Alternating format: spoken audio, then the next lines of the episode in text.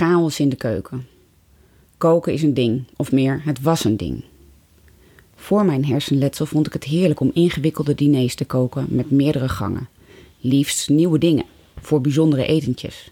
Beef Wellington, wild, uitgebreide lunches en veel hapjes voor feestjes. Alles maakte ik zelf. De dagelijkse kost was wat minder favoriet, dat dan weer wel. Na het hersenletsel heb ik natuurlijk geprobeerd dat weer op te pakken. Maar ik zag het niet meer.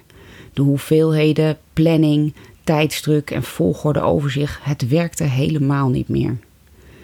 Toen ik Gert leerde kennen en ik nog in mijn tweede revalidatie in Amsterdam zat, hebben we met veel vallen en opstaan een systeem ontwikkeld. Niet voor de etentjes. Op die momenten volgde ik Gert, wat eigenlijk niet meer om de hakken had dan iets schillen, iets snijden en af en toe een dessert maken, wat vooraf zonder druk gemaakt kon worden. Als het echt niet anders kon, dan hadden we een lijst gemaakt van simpele recepten, een soort noodlijst. En als ik eens iets anders wilde maken, dan was het een heel proces wat gelukkig wel goed werkte. Ik zocht een eenvoudig recept en las dat. Dan schreef ik het helemaal uit op mijn manier. Dus alle voorbereidingen eerst. Goed opletten op de volgorde, in korte zinnen en met een lijst van materialen en ingrediënten erbij. Boodschappen doen laat ik even buiten beschouwing.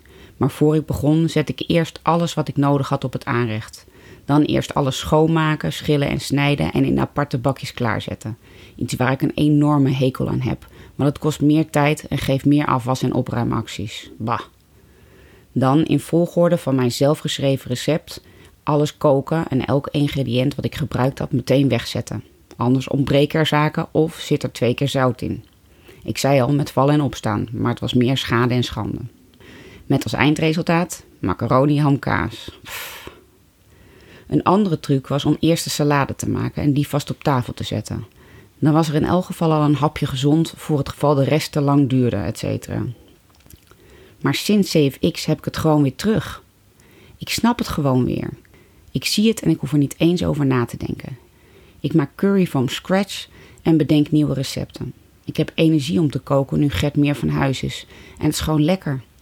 Oké, het is dan nog wel vaak iets te veel, maar in verhouding dus prima voor de vriezer.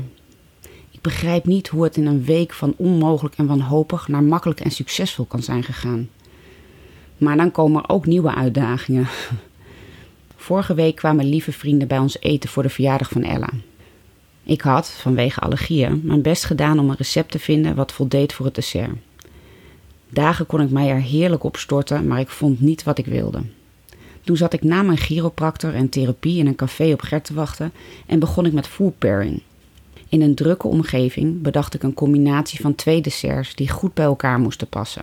Ik maakte ter plekke een boodschappenlijst vol onbekende ingrediënten en deed meteen een poging in een Albert Heijn die voor mij onbekend was. Na een drukke dag doken Gert en ik de keuken in, maar wat er gebeurde was complete chaos. Achteraf zo grappig. De keuken was ontploft en dat gebeurt ons echt nooit. En we aten veel te laat. Na een tijdje koken heb ik maar een pauze en overleg ingelast. We waren beide verrast en hadden er nooit bij stilgestaan dat als ik in onze gammele en te kleine keuken, die nog aan een verbouwing moet geloven, actief mee zou gaan koken, dat we dan wel in woorden moesten overleggen over het gebruik van de oven en over volgorde en werkruimte, over samen de baas zijn en timing. Toen we buiten stonden en tot die conclusie kwamen, moesten we wel even knipperen en lachen. Een helder inzicht. Communicatie wordt veel belangrijker en ik ben veel meer aanwezig. Gelukkig zijn wij heel goed in dit soort uitdagingen, dus lukte ook dit. Naast dat het wel wat laat eten was, werd het een geweldig gezellige avond. Met heel veel lachen en alle gerechten lukten.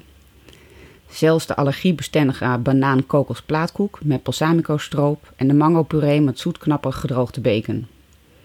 En de combinaties waren spannend en geslaagd, al zeg ik het zelf. En na afloop was de keuken gewoon weer schoon en opgeruimd voor de volgende dag, waarbij ik mij alles van de avond nog kon herinneren. Echt wat een verademing.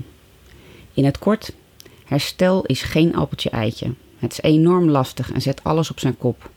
Maar zoals ik al eerder schreef, wij kunnen dit en krijgen het steeds beter onder de knie.